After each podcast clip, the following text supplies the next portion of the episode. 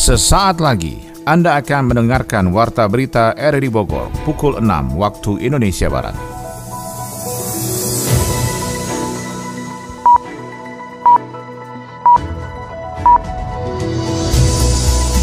Selamat pagi dan salam jumpa.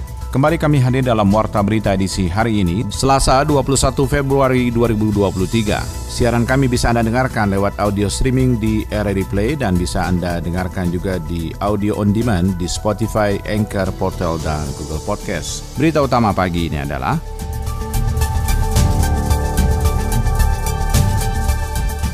Hujan deras mengakibatkan empat rumah diterjang longsor, 14 orang diungsikan. Pemerintah Kabupaten Bogor menemukan harga minyak kita dijual 17.000 di Pasar Cibinong. Harga minyak kita yang subsidi ya dari 14 itu rata-rata dijual di angka 16 dan 17. Pelaku usaha Kabupaten Bogor menyoroti isu PHK massal dan berpindahnya perusahaan ke daerah dengan UMK di bawah Kabupaten Bogor. Nah itulah timbul persoalan kenapa sampai dengan sekarang selalu ada perusahaan yang tidak mungkin bisa ngikutin itu. Tapi kalau waktu itu naiknya 7 persen, 5 persen, 6 persen, perusahaan kan ngikutin terus. Saya Mulane Snarto, inilah Warta Berita selengkapnya.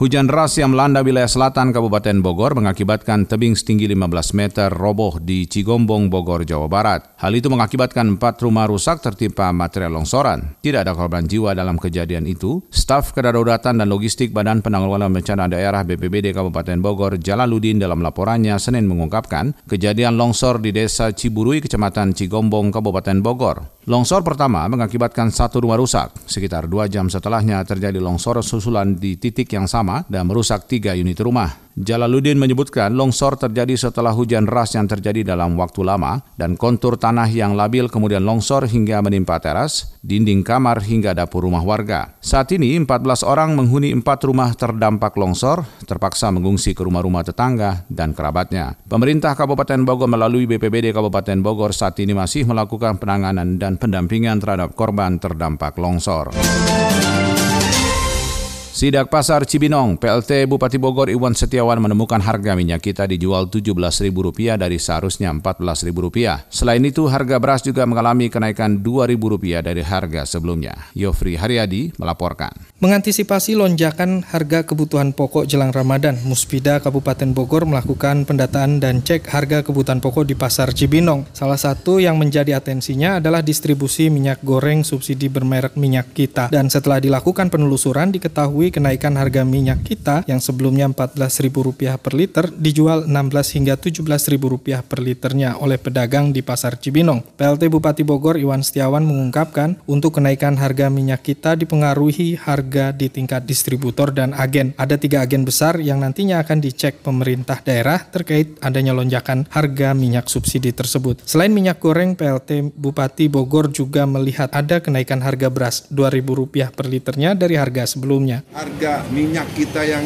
subsidi ya dari 14 itu rata-rata dijual di angka 16 dan 17 berarti marginnya 2000 ya. Mungkin ada beras juga naiknya 2000 lebih ya menyampaikan ya ke lebih atas baik provinsi atau pusat. Permasalahan di Bogor ini ada apa. Makanya kami setelah hari ini tanya langsung ke hilir kami perintahkan Peda Pasar, Disdagin dan Kabar Ekonomi datangi juga ke agennya katanya saya tadi tanya kepada pedagang belinya di mana? Di Bogor ini ada beberapa agent yang memang naik semua. Kami ingin ada ada sampel secara random ya dari misalnya tiga agent atau empat agent. Mungkin besok atau kapan ya Pak. Sementara itu Direktur Perumda Pasar Tohaga Kabupaten Bogor Hari Setiawan menambahkan untuk melakukan investigasi terjadinya inflasi harus dimulai dari tingkat hulunya yakni agen dan distributor produk komoditas yang dijual. Haris juga mengajak masyarakat untuk tidak sekedar konsumtif melainkan produktif agar dapat mengantisipasi dampak inflasi akibat naiknya harga kebutuhan pokok yang terjadi jelang Ramadan nanti. Inflasi itu harus dari hulu hulu. itu apa? Ya kan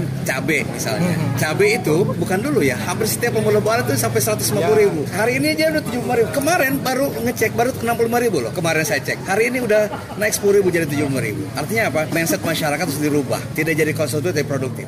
Salah satu upaya untuk mengantisipasi dampak inflasi adalah melalui gerakan serentak, memanfaatkan lahan kecil untuk ditanami tanaman rempah dan bumbu seperti cabai dan sejenisnya. Prosentase kenaikan jenis komoditas cabai kerap melampaui harga sembako lainnya dan sangat dirasakan konsumen. Pemkab Bogor belum berencana melakukan operasi pasar murah dari sidak kebutuhan harga pokok di pasar tradisional saat ini. Pelaku usaha Kabupaten Bogor menyoroti isu PHK massal dan hilangnya 30 ribu tenaga kerja sektor padat karya, serta berpindahnya perusahaan ke daerah dengan UMK di bawah Kabupaten Bogor. Kembali Yofri Haryadi melaporkan. Kemarin kita masih ada UJK PP 36, kita tuh feel secure gitu ya, bahwa oke okay, kita udah tahu kok kita mau invest ini, mau mengembangkan ini karena upah naiknya segini. Kita udah masukin itu semua ke kos kita. Tiba-tiba berubah. Musyawarah Kabupaten, Dewan Perwakilan Kabupaten Asosiasi Pengusaha Indonesia Kabupaten Bogor ke-9 menjadi momentum terintegrasinya tiga pilar yakni dunia usaha, pemerintah, dan buruh dalam meningkatkan stabilitas ekonomi daerah. Ketidakpastian berusaha dan berbisnis akibat regulasi dan aturan yang berkembang menuntut adanya kerjasama yang baik antar tiga pilar itu. Dalam sambutannya, Ketua Pindo Jawa Barat Ning Wahyu Astuti mengungkapkan kegelisahannya di Cimandala, Sukaraja, Kabupaten Bogor. Meski terjadi tren perubahan dalam sektor industri secara nasional maupun global, pengusaha Jawa Barat dituntut adaptif dan solutif menghadapi perubahan. Laju inflasi, krisis global, serta isu PHK massal dan hilangnya 30 ribu tenaga kerja sektor padat karya dan berpindahnya perusahaan ke daerah dengan UMK di bawah Kabupaten Bogor juga menjadi sorotan bagi pelaku usaha Kabupaten Bogor. Menyinggung tingginya UMK Kabupaten Bogor 2023 mencapai 4,2 juta rupiah, ditegaskan PLT Bupati Bogor Iwan Setiawan masih cukup relevan dengan pelayanan administrasi dan lokasi geografis yang strategis serta stabilitas sosial di wilayahnya. Ya ini kan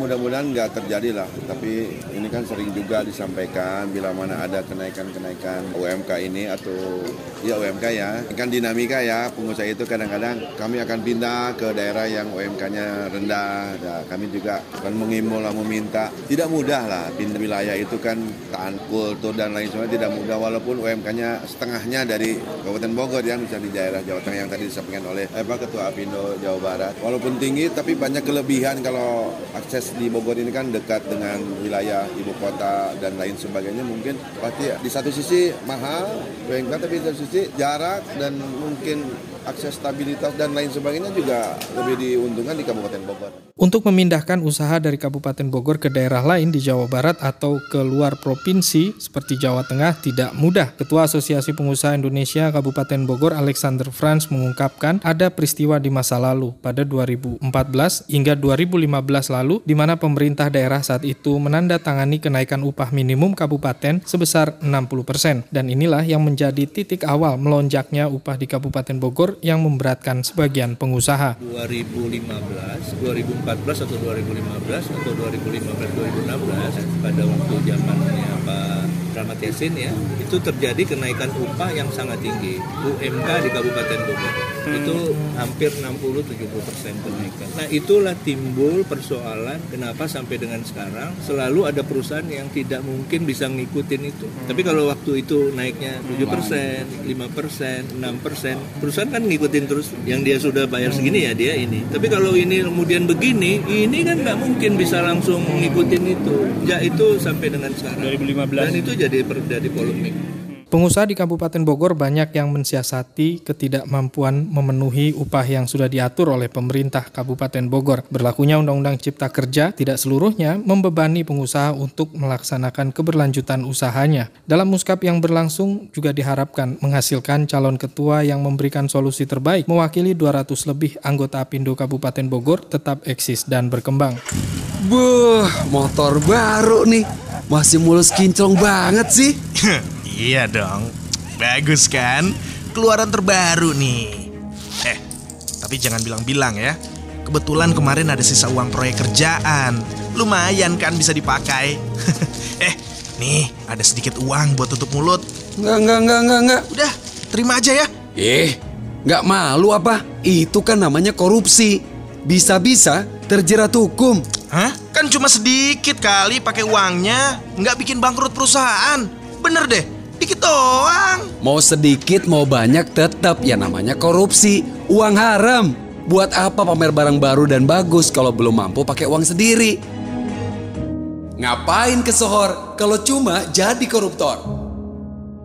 Satgas Saber Pungli Kabupaten Sukabumi mendukung program pembangunan pemerintah yang bersih dan bebas dari praktek pungli. Adi Fajar Nugraha melaporkan. Forum Komunikasi Pimpinan Daerah Forkopimda Kabupaten Sukabumi memperkuat pembenahan birokrasi yang bersih dan bebas pungutan liar atau pungli. Hal itu dipertegas dengan hadirnya Satuan Tugas Sapu Bersih Pungutan Liar atau Satgas Saber Pungli di Kabupaten Sukabumi. Ketua Pelaksana Tim Saber Pungli Kabupaten Sukabumi Kompol Bimo Mornanda mengatakan pihaknya akan terus mengawal program pemerintah dan memaksimalkan peran seluruh personel dalam memberantas pungli secara efektif dan efisien. Selain itu, apabila masyarakat menemukan adanya pungutan di luar biaya yang telah ditetapkan, maka diminta untuk melapor ke tim saber pungli. Dengan maksud dan tujuan untuk menjalankan arahan dari pimpinan tertinggi kita, Presiden Republik Indonesia, bahwa tidak ada lagi penghambatan-penghambatan investasi. Jadi kita sesama stakeholder, baik dari kepolisian, kejaksaan, Pemda, dan lain sebagainya, kita membulatkan tekad untuk mendukung program-program pemerintah tanpa adanya pungli. Apabila mengalami ataupun mengetahui adanya pungutan liar, pemerasan dan lain sebagainya, jangan segan-segan khususnya untuk wilayah Kabupaten Sukabumi jangan segan-segan melapor di Satgas Saber Pungli dengan nomor WA yang tertera. Kompol Bimo mengungkapkan saat ini pihaknya banyak menerima informasi adanya oknum ke setiap sekolah dengan modus dana bantuan operasional sekolah dan lainnya. Maka dari itu Saber Pungli akan terus melakukan pengawasan yang efektif dan efisien. Sementara itu Kepala SMPN 1 Cikidang, Kabupaten Sukabumi Odang Suhendar mengapresiasi mengapresiasi dengan kehadiran Satgas Saber Pungli mempermudah akses perlindungan bagi sektor pendidikan dalam menghadapi pungli karena belum lama ini Odang mengaku mengalami pemerasan dari oknum dengan modus mengonfirmasi penggunaan dana bantuan operasional sekolah atau BOS. Terima kasih kepada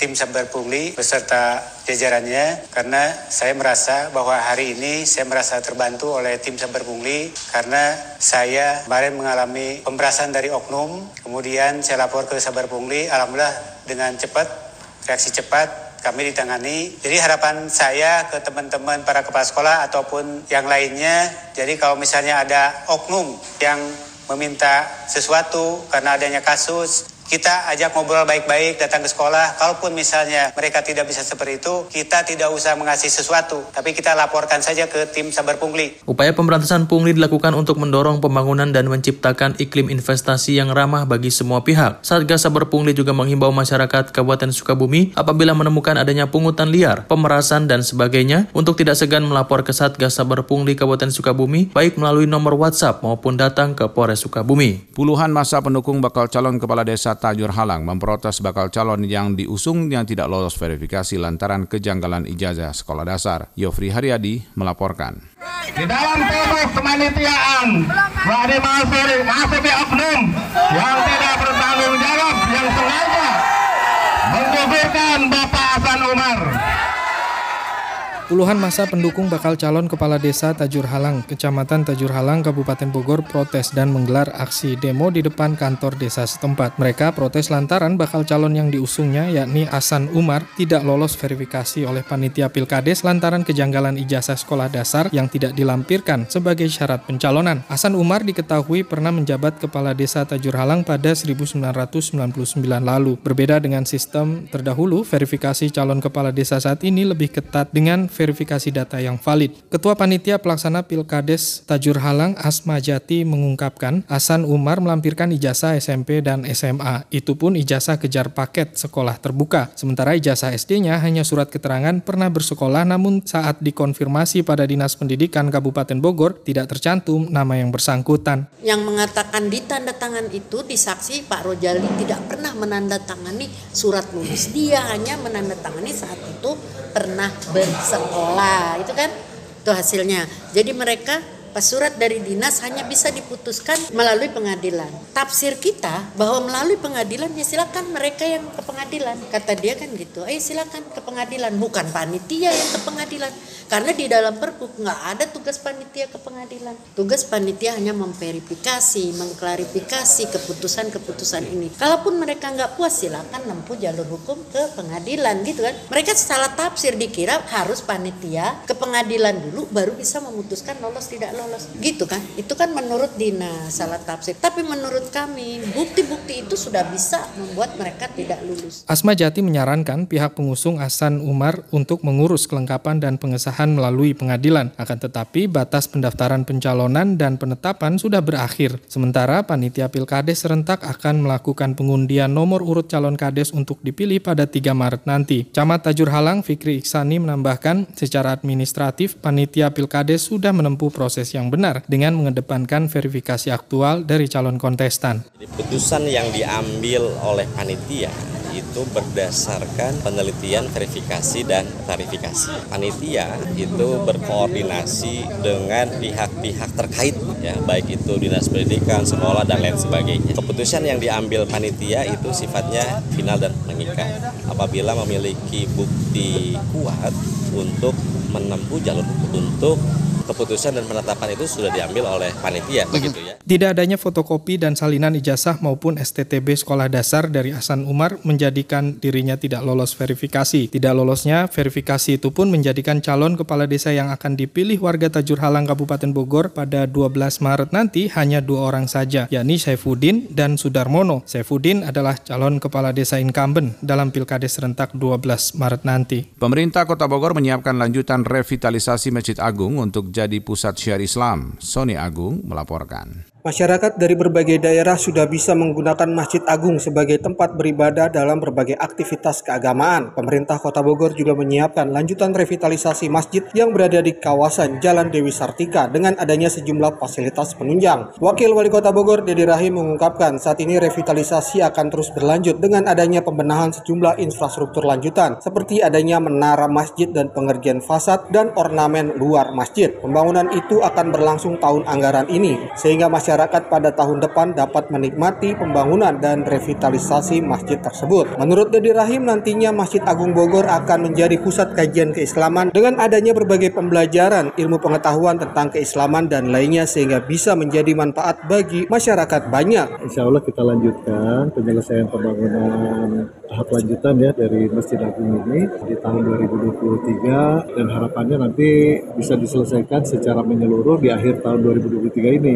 Nah, sehingga nanti masjid ini akan terintegrasi dengan alun-alun, kemudian juga dekat dengan pusat pasar dan terlebih lagi ini memang menempati sebuah lokasi yang sangat strategis dekat dengan stasiun Bogor. Harapannya tentu nah, dengan adanya masjid ini ya Dewan Kemakmuran Masjid Agung bisa terus melaksanakan kegiatan-kegiatan yang bermanfaat bagi warga, kemudian juga menyelenggarakan kegiatan-kegiatan keagamaan yang lebih terfokus ya, dan tentunya harapannya adalah masjid ini bisa dimanfaatkan sebaik-baiknya untuk penyebar luasan ya ajaran-ajaran Islam yang rahmatan lil alamin. Sementara itu, Ketua DKM Masjid Agung Kiai Haji Ahmad Baidewi menjelaskan, pihaknya mengarahkan agar fasilitas umum di sekitar masjid menjadi penunjang masyarakat dalam beribadah. Di sekitar Masjid Agung terdapat alun-alun stasiun Bogor dan juga pasar kebun kembang yang bisa menjadi satu kesatuan kawasan dengan adanya wisata religi dan pemberdayaan umat melalui usaha untuk mesejahterakan masyarakat. Tentunya masjid ini kita sambil berjalan terus, kita akan kembang dikembangkan menjadi pusat-pusat kajian-kajian keislaman terutama kita susun semua untuk supaya ada menjadi kontribusi ya yang sangat besar yaitu Islam bukan hanya di Bogor tentunya di Jawa Barat ini supaya jadi jadi jadi magnet bagaimana Masjid Agung ini adalah sebagai masjid yang memang multifungsi tempat pengembangan keislaman kewirausahaan dan hmm. semua karena kita dikelilingi oleh tempat Banyak. bisnis perkantoran dan sebagainya dan itu juga harus memerlukan kajian-kajian nah inilah tempatnya untuk mengkajinya selanjutnya DKM juga akan membuat berbagai agenda karena di bawah Masjid Agung menjadi satu kesatuan tempat untuk menjadi lokasi berbagai kegiatan masyarakat.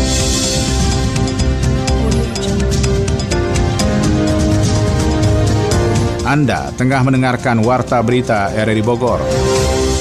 Dari dunia ekonomi dikabarkan, Jawa Barat menjadi provinsi paling banyak penyumbang pengangguran di Indonesia. Menteri BUMN mengusulkan pemberian bunga pinjaman 0% untuk pelaku usaha mikro. Kita akan ikuti selengkapnya info ekonomi bersama Adi Fajar Nugraha. Badan Pusat Statistik BPS mencatat angka pengangguran Indonesia menembus angka 8,42 juta orang pada tahun 2022.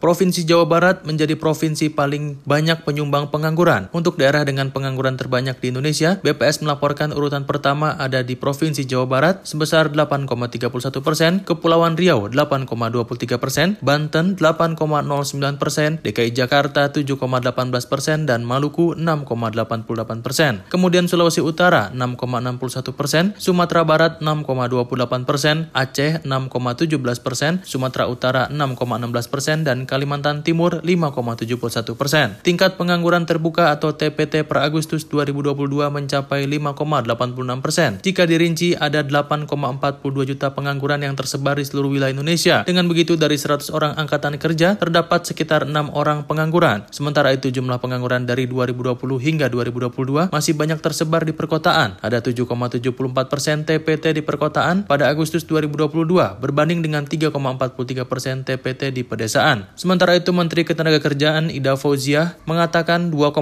juta dari 8,42 juta pengangguran Indonesia pasrah mencari kerja. Ida menyebut 33,45 persen pengangguran itu hopeless of job. Tercatat dari 2,8 juta tersebut, 76,9 persen berpendidikan rendah atau lulusan SMP ke bawah. Ia menambahkan kunci untuk mengatasi pengangguran di pasar kerja adalah dengan menciptakan pasar tenaga kerja yang inklusif.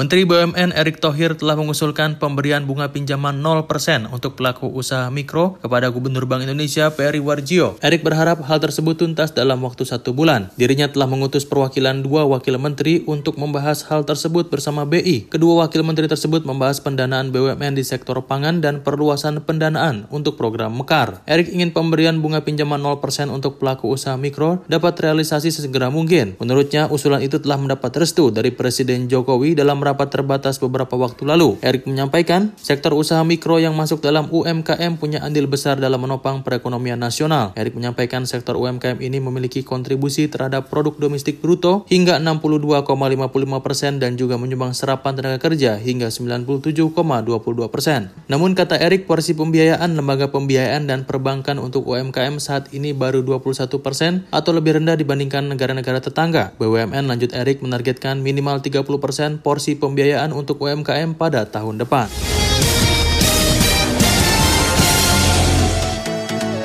Dari olahraga, Ketua Umum PSSI Erick Thohir memastikan akan mengaktifkan kembali Badan Tim Nasional. Federasi Panjat Tebing Indonesia Kabupaten Bogor terus mengambil bagian pada momen-momen penting nasional. Selengkapnya dilaporkan Ermelinda.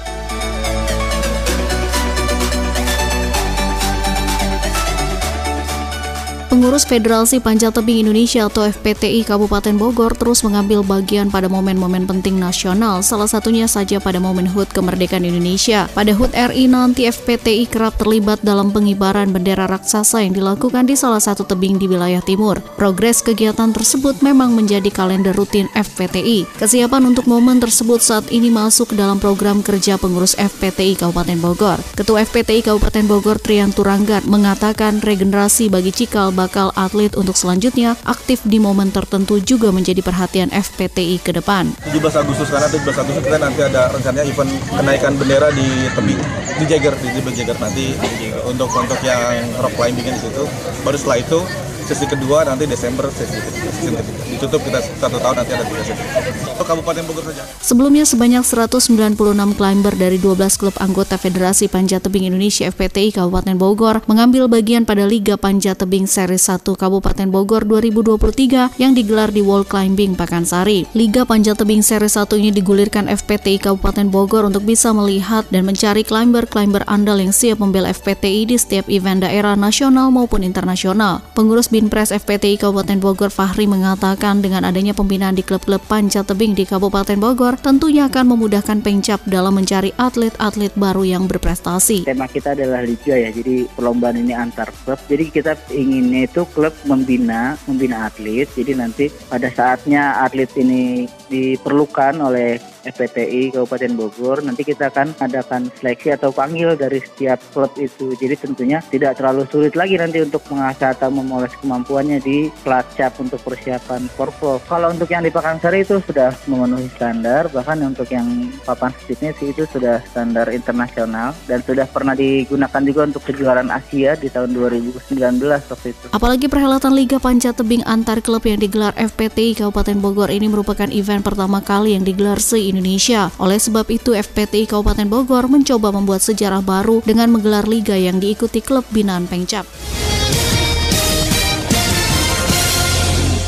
Ketua Umum PSSI Erick Thohir memastikan akan mengaktifkan kembali Badan Tim Nasional atau BTN. Pasalnya Erick Thohir menargetkan Timnas Indonesia lolos ke Piala Dunia pada periode 2040-an. Erick Thohir beserta jajaran Komite Eksekutif atau Exco PSSI menggelar rapat di kantor PSSI GBK Arena pada hari Sabtu lalu. Pria yang akrab disapa ET tersebut memutuskan untuk membentuk Komite Ad Hoc Supporter, Komite Ad Hoc Infrastruktur, dan menghidupkan kembali Badan Tim Nasional BTN. Lebih lanjut, Erick Thohir menjelaskan menegaskan pendirian BTN bertujuan mendukung target PSSI untuk bisa meloloskan timnas Indonesia ke Piala Dunia. BTN merupakan salah satu bagian dari rencana jangka panjang persiapan timnas Indonesia. Sebagai informasi, Badan Tim Nasional merupakan unit khusus di tubuh PSSI yang akan berfokus kepada perkembangan timnas Indonesia. Dihidupkannya kembali BTN diharapkan dapat membuat timnas Indonesia berprestasi di masa mendatang.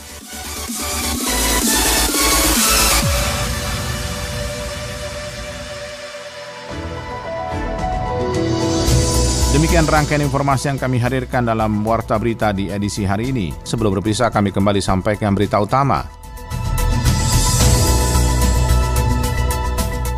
Hujan deras mengakibatkan empat rumah diterjang longsor, 14 orang diungsikan.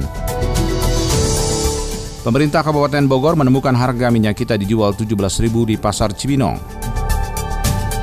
Pelaku usaha Kabupaten Bogor menyoroti isu PHK massal dan berpindahnya perusahaan ke daerah dengan UMK di bawah Kabupaten Bogor. Mewakili kerabat kerja bertugas, saya Maulana Estarto mengucapkan terima kasih. Selamat pagi.